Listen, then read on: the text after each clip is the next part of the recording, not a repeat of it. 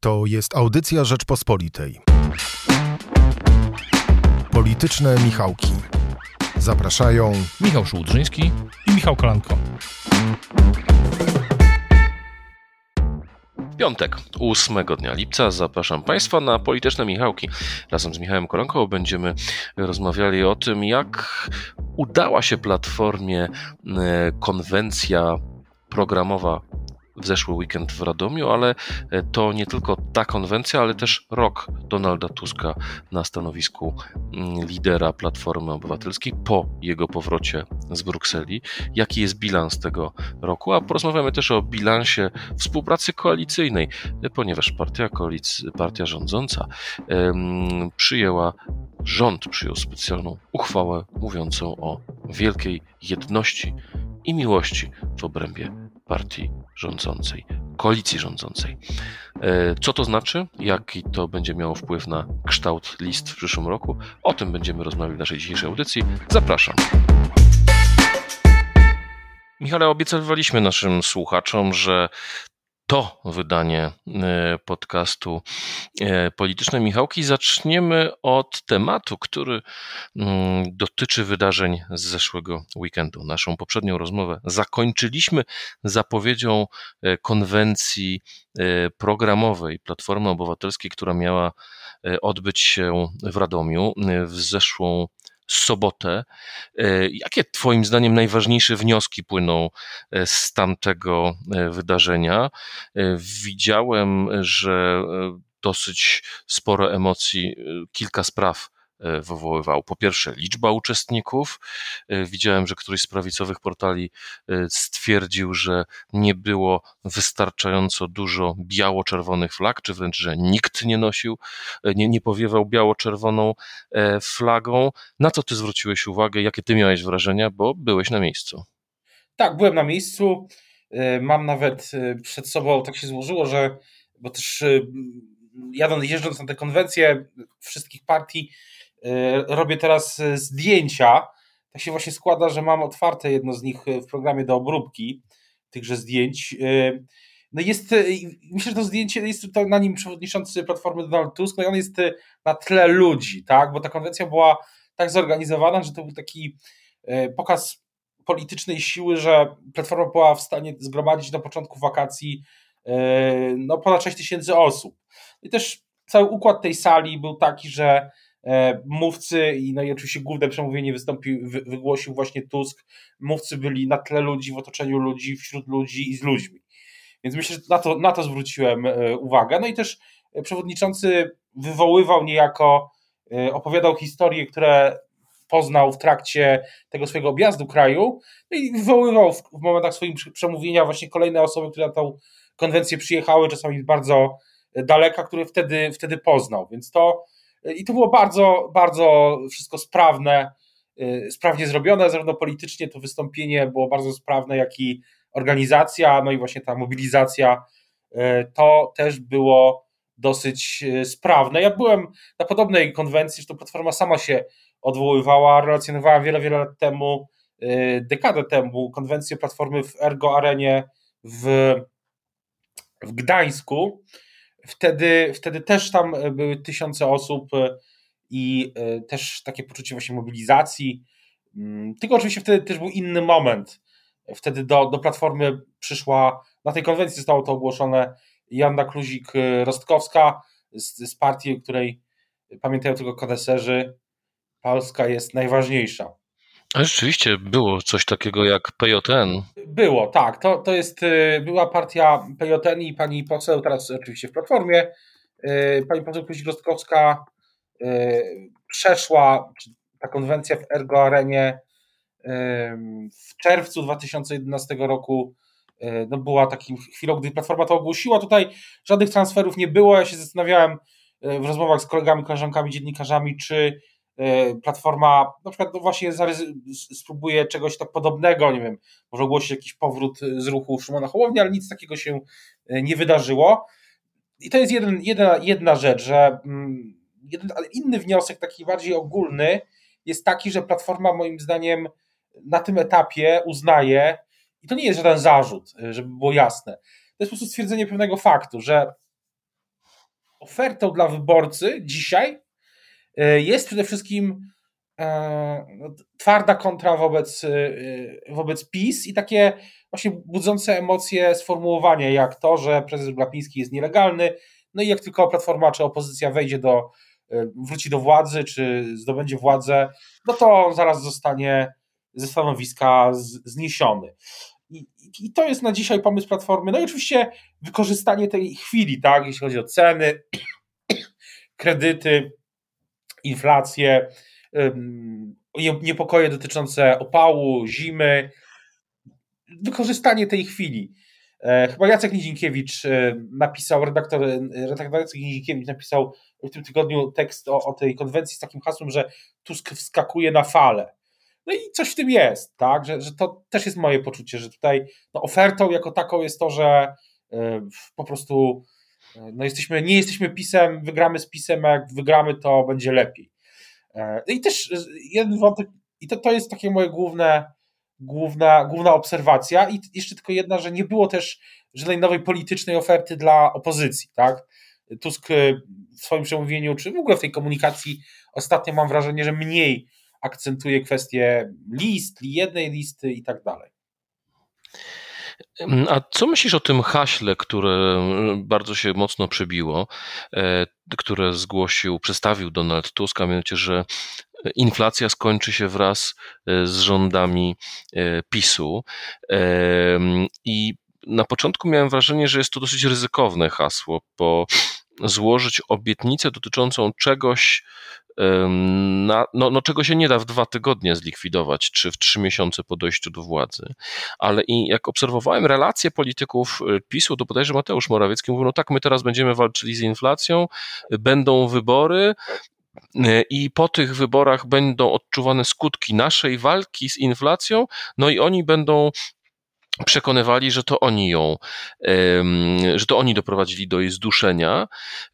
No, od, jak, jak taką reakcję usłyszałem, to zobaczyłem, że e, no, obóz rządzący przestraszył się tej wizji. To znaczy, że to hasło jest dla niego bardzo niebezpieczne, e, dlatego że no jednak zarządów Platformy, y, owszem, było wyższe bezrobocie, było więcej umów śmieciowych i tak dalej, ale inflacja rzeczywiście była na niskim poziomie. Tak, to jest ciekawe, że Donald Tusk y, mm, wrócił do tego aspektu, czy tak ciekawe, zrozumiałe, że wrócił do tego aspektu y, swoich, swoich rządów, trochę w stylu, no nie wiem, mm, chciał, chciał budować takie wrażenie i chce budować takie wrażenie, to trochę jak, jakby Bill Clinton po raz kolejny kandydował, Y, oczywiście w Stanach Zjednoczonych i chciał wrócić do czasów, kiedy rządził, kiedy było, kiedy sytuacja gospodarcza była e, bardzo dobra. Tak, takie miałem wrażenie, że to jest trochę w tym stylu. Natomiast ja, ja mam trochę inną obserwację, że to hasło, że jak skończy się PiS, to skończy się drożyzna, no to jest właśnie kontynuacją tych wszystkich y, tego, tego, co Platforma mówiła z przełomu roku, miała te wszystkie kartki, karteczki, PiS równa się drożyzna, że tu chodzi o to, żeby e, wyborców, e, żeby wyborcom skleić PiS z inflacją. E, skleić PiS z inflacją. Co ciekawe, w ogóle Donald Tusk wielokrotnie też, kilkukrotnie też zwracał się w tej w trakcie tej konwencji do samych wyborców PiSu w różnych kontekstach. Był też, był też taki wyraźny, wyraźna rzecz, taką konkretną powiedział też o tym, że powoła zespół do spraw pedofilii że nie będzie żadnych świętych krów. Było tak, no, i sporo akcentów dotyczących kościoła, czego wcześniej też e, tak wprost e, na takim przynajmniej w takim formacie nie, nie słyszeliśmy. No i później też interesujące było to, że też później mówcami po Tusku byli oczywiście Radosław Sikorski, który mówił o wojnie na Ukrainie i geopolityce, na przykład Aleksandra Gajewska, Agnieszka Pomaska, czyli młode, młode pokolenie Kinga Gajewska też, e, młode pokolenie w Platformie. I jaki był przekaz tego e, młodego pokolenia? Bo rzeczywiście to się w obrazkach, e, w tych e, filmikach, które Platforma również media społecznościowe pokazywała, bardzo tam zaznaczała obecność tego młodszego pokolenia posłów. Z jakim oni szli przekazem właśnie? Czy to był bardziej przekaz obyczajowy, czy, czy, czy polityczny, czy, czy społeczny? Myślę, że myślę, że przede wszystkim też personalny, tak? Posłanka Gajewska Aleksandra też opisała, wspominała swoje doświadczenia, jak stawiała pierwsze kroki w Radzie Miasta Warszawy i to też dotyczący roli kobiet w życiu publicznym, politycznym, to, to myślę, że trafiło do przekonania wielu osób, wielu słuchaczy. Tak miałem takie wrażenie, że to, to przemówienie mm, posłanki Gajewskiej bardzo re, rezonowało, tak? Zresztą w ogóle w kuluarach to jest jedna jeszcze dygresja. W ogóle jak się rozmawia, rozmawiało z tymi działaczami, z aktywistami, czy to oczywiście z politykami PiSu, yy, przepraszam, Platformy w tej, yy, w Radomiu, no to generalnie tam nastroje i żeby to yy, było jasne, to nie jest E, moje przekonanie, tak, to jest po prostu przekonanie, które usłyszałem, o którym też zresztą pisałem, że tam nastroje są e, dobre. Albo nawet nie powiem, że bardzo dobre, ale są dobre politycznie, że te wiatry idą w dobrą stronę, że przewodniczący Tusk e, złapał sterowność partii. Kiedyś w listopadzie czy w październiku, nie wiem, czy pamiętasz, pisałem do plusa minusa taki tekst o platformie. Mhm. O co im chodziło. Potem już jak skończyła się ta pierwsza fiesta w platformie po powrocie Tuska w ubiegłym roku w lipcu, to właśnie w październiku jesienią był taki moment pewnego spowolnienia, nazwijmy to tak, takiego pierwszego um, zderzenia z, z tą, znaczy takiego, no skończyła się ta bonanza, czy ta fiesta i um, była ta, był taki moment jesienią ubiegłego roku, że Platforma się znowu zaczęła zastanawiać, co, co dalej. I wtedy ludzie y, w Platformie, czy osoby znające strategię przewodniczącego powiedzieli mi, że kluczową rzeczą dla partii, dla niego jest to, żeby odzyskać tak zwaną sterowność, żeby można było po prostu konkretnie i konsekwentnie w miarę pewne projekty przeprowadzać. I wydaje się, że tak wewnętrznie jest poczucie, że ta sterowność y, została przywrócona, że, że partia Tusk może wyznaczyć jakiś cel i on jest y, realizowany. Miało być tysiąc spotkań, no to było.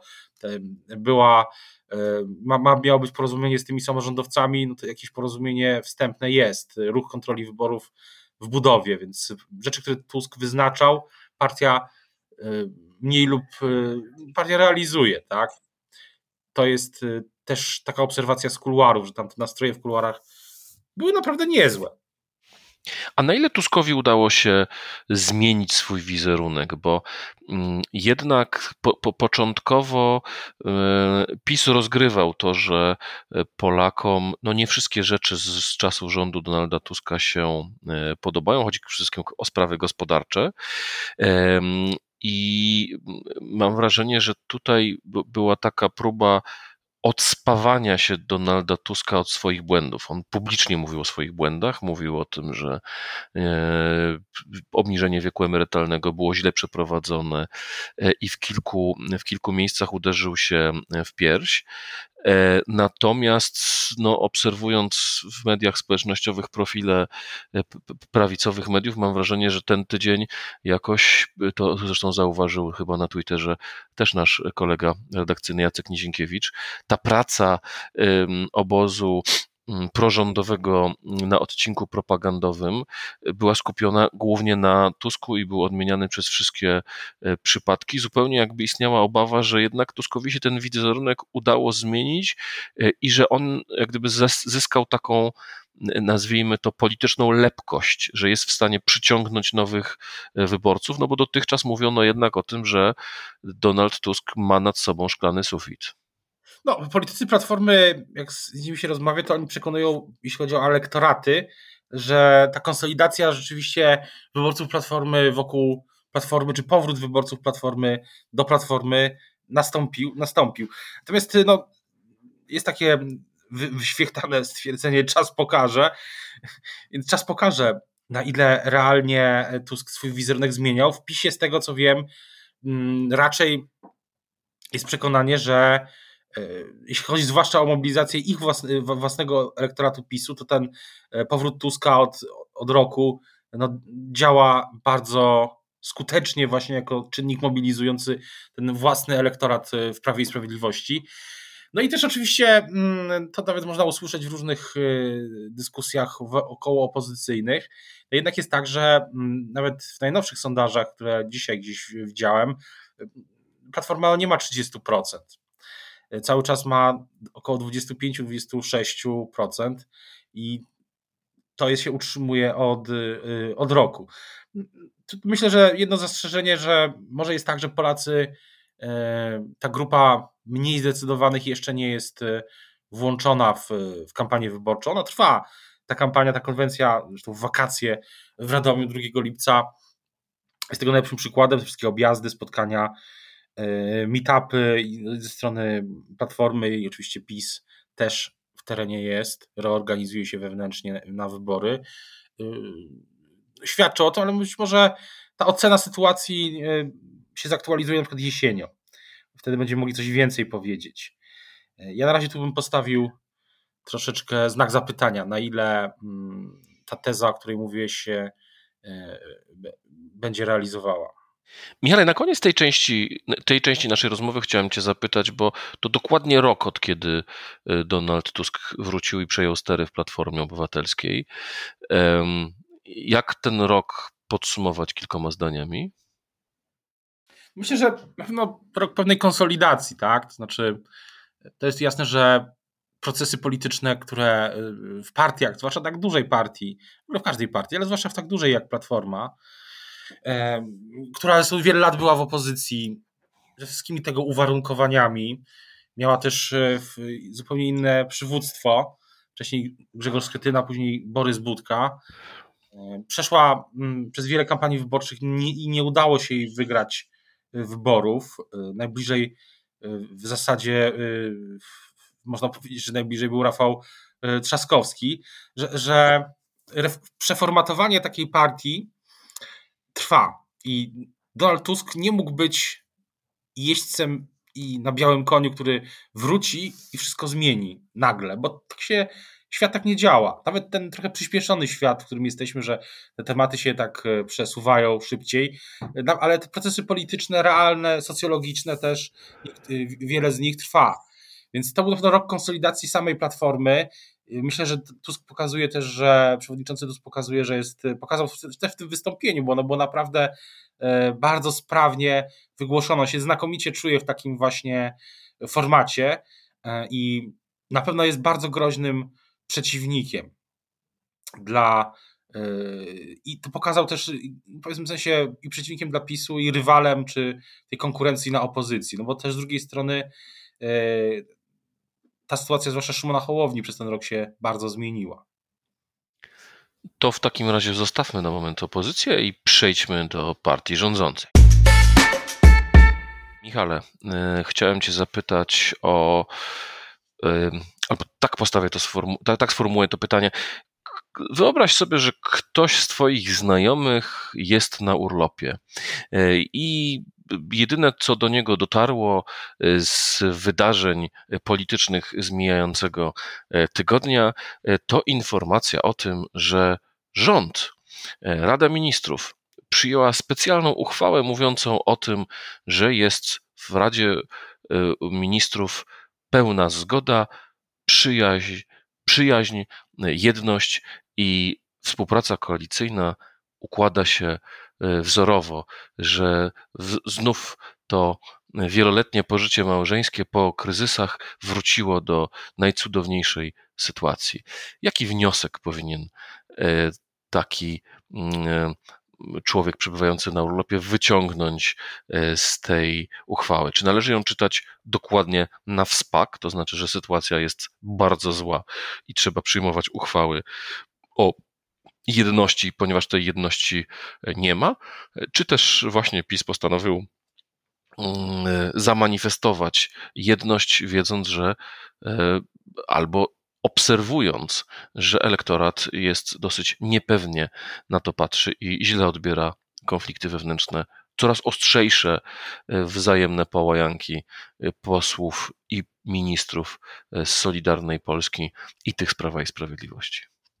To znaczy, wydaje mi się, że trochę jest tak, że po pierwsze w kontekście, kontekst jest taki, że to jest pierwszy jakiś taki ruch, ruch polityczny wewnątrz rządu, czy wewnątrz koalicji rządzącej od chwili, gdy mm, z rządu odszedł prezes, prezes PiS y, Jarosław Kaczyński. To to jedno, bym też zwrócił uwagę. Druga rzecz jest taka, że wewnątrz rządu, y, tak jak ja rozmawiałem z PiSu, to wewnątrz rządu od dłuższego czasu narastało przekonanie, że ta krytyka z, z, która idzie z wewnątrz rządu wobec nich, mówię tu o krytyce, którą prowadzi Solidarna Polska, jest coraz bardziej nie do zniesienia.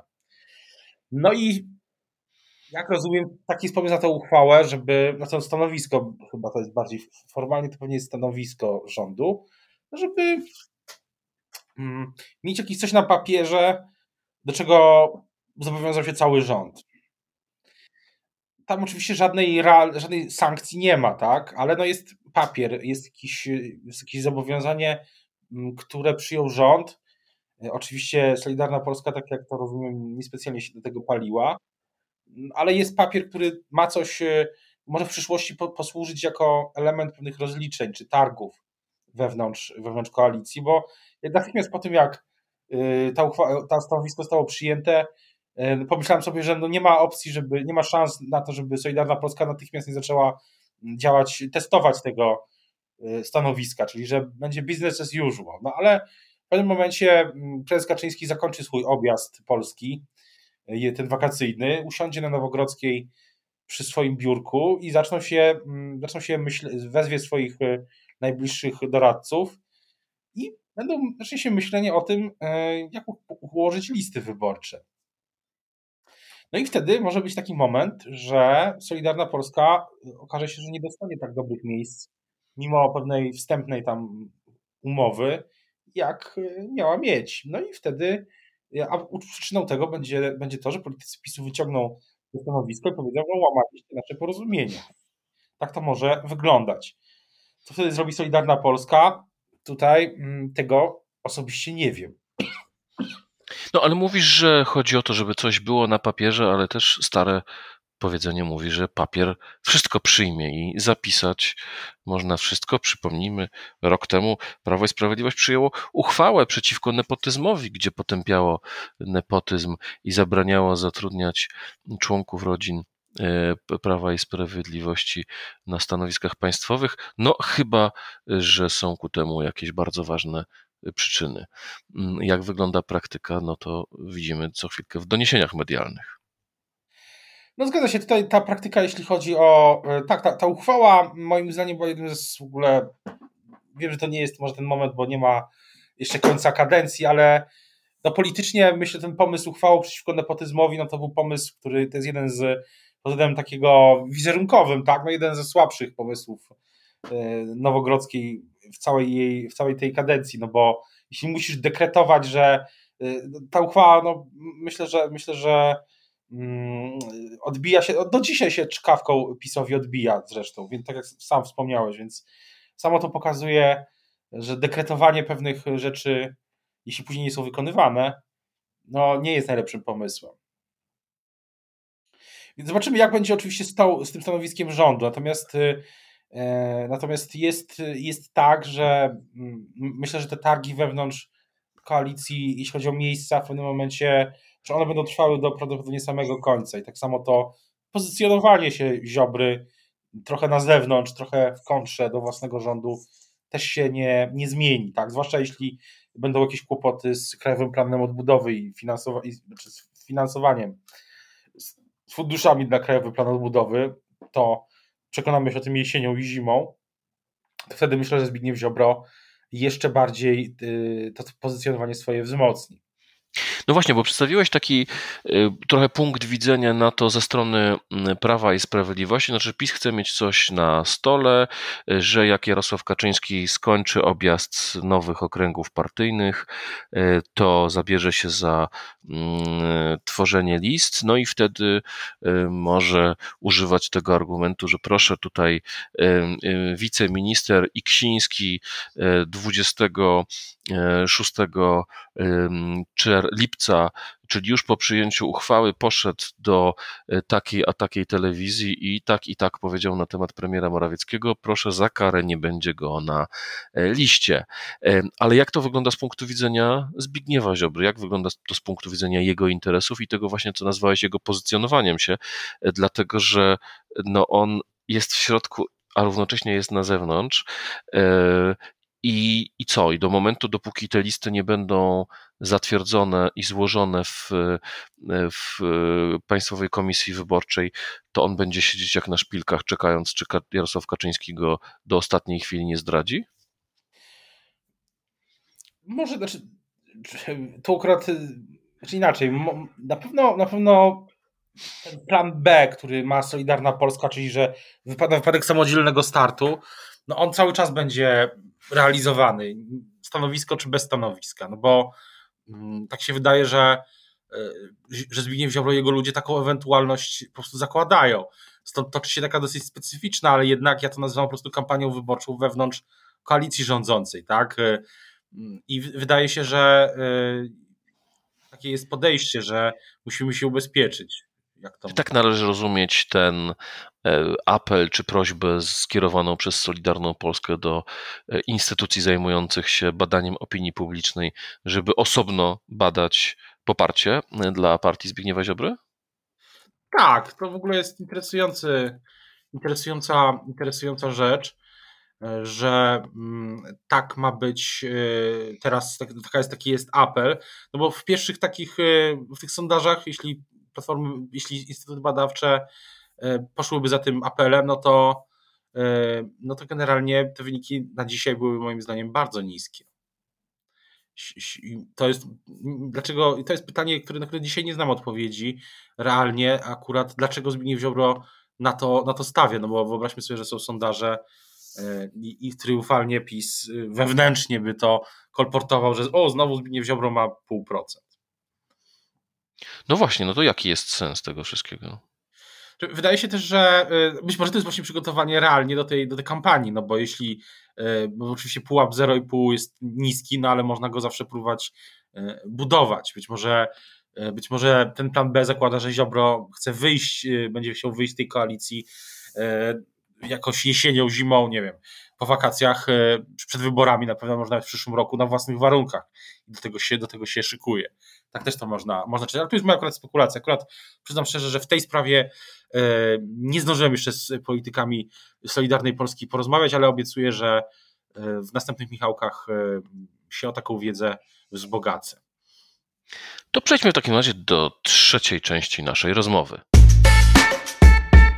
Michale, na sam koniec już mniej poważnie, ale z, chciałem zapytać Cię o to, co się wydarzyło w poprzedni weekend. E, trochę to kuchnia naszego zawodu, ale może naszych słuchaczy zainteresować awantura, która wybuchła po Twoim występie w e, telewizji TVN24 w programie Loża Prasowa. Najpierw w tym programie doszło do starcia Twojego z Bartoszem Węglarczykiem, który następnie kilka godzin później zaczął Ciebie bronić przed tym, co się zaczęło dziać w sieci. Trochę to mało zrozumiałe, ale może opowiedz, jak to wyglądało i skąd się wzięła cała ta historia. Ta historia tak naprawdę to jest y, też y, ta historia to jest tak naprawdę, myślę, debata o tym, co, czym jest dzisiaj dziennikarstwo, zwłaszcza w dobie mediów społecznościowych, bo chociaż y, rzeczywiście do pewnego, pewnej dyskusji doszło na, w samym programie telewizyjnym, no to ten program, jak i w ogóle wiele innych rzeczy, wydarzeń teraz ma przede wszystkim echo w internecie. To z internetu wiele osób się o tym, o tej dyskusji y, dowiedziało. No, generalnie moje podejście jest jasne i też wynika z pewnego rozgraniczenia. Ja uważam, że inna jest rola dziennikarza, inna jest rola publicysty, inna jest rola analityka. Ja uważam się za, że ja wykonuję zawód dziennikarza i też analityka. No i analitycznie podchodzę do sprawy. Nieważne, czy to jest Twitter, czy to, są, czy to jest y, podcast, czy to są wystąpienia w telewizji, czy w loży prasowej, czy w jakimkolwiek innym programie. No i tu akurat rozbiła się sprawa o tym, o to, co o tym, o to, ten wątek tej narracji Prawa i Sprawiedliwości wokół osób y, transpłciowych, tak? No, dla mnie to jest, mówiłem to wtedy i powtórzę, że to jest bardzo e, jasny sygnał, że PiS po prostu szuka sposobów na mobilizację własnego elektoratu ustawiając się w roli takiego, tak jak w 2019 i 2020, ale szczególnie w 2019, no, obrońcy światopogląd, światopoglądowego status quo przed rewolucją z zachodu. Tak, tak to można w skrócie opisać. I to jest po prostu przedłużenie tego. Natomiast. Ale rozumiem, że oburzenie widzów i użytkowników mediów społecznościowych wywołało Twoje stwierdzenie, że to może zadziałać, Y, a, a, a oczekiwanie było takie, że zaczniesz to potępiać i mówić, że to złe, niemoralne, y, brzydkie i y, paskudne. Tak? To, to o to chodziło?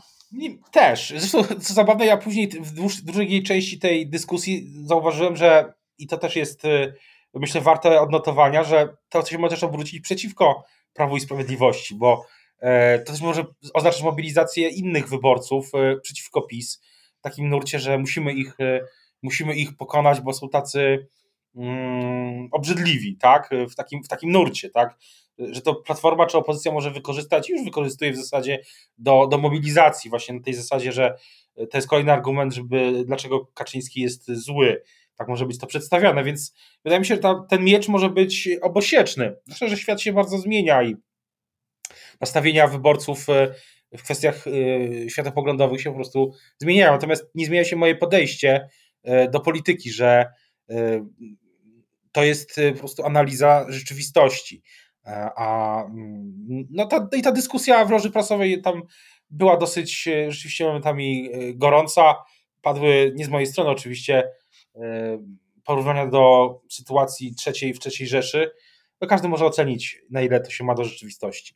Więc natomiast nie, bo wiesz, bo, bo, bo, tu jest, bo tu jest taka jedna zasadnicza kwestia, którą warto chyba wyjaśnić, dlatego że ja często się mm, właśnie spotykam z, taką, z takim komentarzem, gdy na przykład napiszę, że jakieś działanie którejś partii jest racjonalne.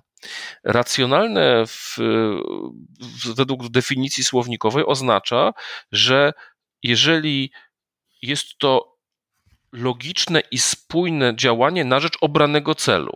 Tak więc jeżeli dajmy na to, jakaś partia chce osiągnąć jakiś cel i żeby go osiągnąć, podejmuje jakieś działanie, i jeżeli to działanie wygląda na rozumowe, przemyślane, logiczne i skuteczne, y, to znaczy, że działanie danej partii jest racjonalne. Ale to nie jest ani pochwała moralna, ani nagana moralna. Tak, działanie jakiejś partii może być całkowicie racjonalne, mimo że możemy uważać, że to działanie jest haniebne, y, niemoralne, albo właśnie czasami dokładnie jest w, w, w, drugą stronę, że działanie jest niezwykle moralne. Tylko, że to są te zupełnie dwa różne języki opowiadania o polityce. Opowiadania o polityce jako, jako pewnej technologii. To znaczy, jeżeli masz y, gwóźdź i chcesz go wbić, y, to bierzesz do tego młotek. Y, natomiast nie zastanawiasz się, jeżeli opisujesz politykę w ten sposób, na bok odkładasz kwestię tego, czy jest sens wbijać w gwóźdź, po co wbijać ten gwóźdź, czy wbijasz w dobry materiał, czy gwóźdź jest wysokiej jakości, czy jest niskiej jakości e, i czy nam się w ogóle wbijanie gwoździa e, podoba, czy nam się nie podoba. Tak? To są jak gdyby dwie zupełnie różne rzeczywistości, e, które zawsze wydaje mi się warto rozgraniczyć. To znaczy, zgadzam się z Tobą, że rzeczywiście też rolą komentatorów jest wyrażanie pewnego stanowiska, jest opis, przedstawianie tego, co oni na dany, ich opinii na dany temat. E, rolą analityków jest analizowanie właśnie skuteczności czy pragmatyczności tego e, działania, no a wreszcie rolą moralizatorów jest mówienie, co jest dobre, a co złe. I, i, I warto, oczywiście, czasami my sami występujemy w tych różnych rolach, tak? Czasami występujemy jako, gdy sprawa, nie wiem, dotyczy jakiejś sprawy, która dla nas jest niezwykle ważna, e, bo na przykład jesteśmy, e, nie wiem, ktoś jest zaangażowanym katolikiem, ktoś inny jest zaangażowanym luteraninem, ktoś jest zagorzałym ateistą, obrońcą praw LGBT, no to wtedy ta sprawa jego e, dotyczy osobiście, tak? W tym sensie, że właśnie opisuje to moralnie, od strony właśnie moralnej, ale bardzo wiele jest takich sytuacji, gdzie po prostu staramy się jako analitycy czy, czy, czy, czy komentatorzy po prostu opisać, czy to działanie ma sens, nie ma sensu, do czego doprowadzi, a niekoniecznie prawić kazania. No ja to tak widzę. Zgadzam się, zgadzam się i wydaje się, że najbardziej, znaczy dla mnie najbardziej absurdalną, absurdalne szczerze mówiąc, absurdalnym nurtem tej dyskusji było to, mm, co zobaczyłem też na Twitterze, że, że moje analityczne podejście do tego tematu, to stwierdzenie też, że polityka generalnie nie jest y, takim światem, w którym są noty za, za styl, tak, że to jest świat yy, dosyć, to jest dosyć, to jest dżungla i tyle. No, gdyby, wyborcy, gdyby wyborcy dawali noty za styl, to PiS za swój fatalny styl powinno przegrywać wszystkie wybory od 2015 roku, a jednak się dzieje inaczej. Dzieje się jakoś inaczej. I to jest właśnie, właśnie to, że trzeba to, na tą politykę spojrzeć po prostu chłodno. Wydaje mi się, że tak jak e, kiedyś też o tym pisałem, że no jeśli e, bez tego chłodu opinia publiczna nie dostanie od nas obrazu z rzeczywistości, tylko dostanie oburzenie, a to oburzenie prowadzi do niczego. Ale najbardziej absurdalne było to w tym wszystkim, że wiele osób zarzucało mi, chociaż oczywiście bardziej anonimowo, że mm, ja popieram coś, jeśli tego nie, e, że, ja wyprowadzam jakąś, ta analiza oznacza aprobatę, co, co jest y, zupełnym nonsensem i wydaje się też, że, e, że przez te ostatnie lata rzeczywiście y, ja mam takie poczucie, że jest za mało inaczej, że to rozgraniczenie się naprawdę, bo też powiedzmy sobie szczerze, niektórzy wchodzą wręcz na grunt polityczny w swoich e, apelach. To rozgraniczenie się gdzieś zupełnie e, zamiesza, zamieszało, ale e, dobrze, że ta debata trwa, bo pokazuje też, kto jaką ze sobą rolę mm, uważa i można to ładnie śledzić w różnych mediach.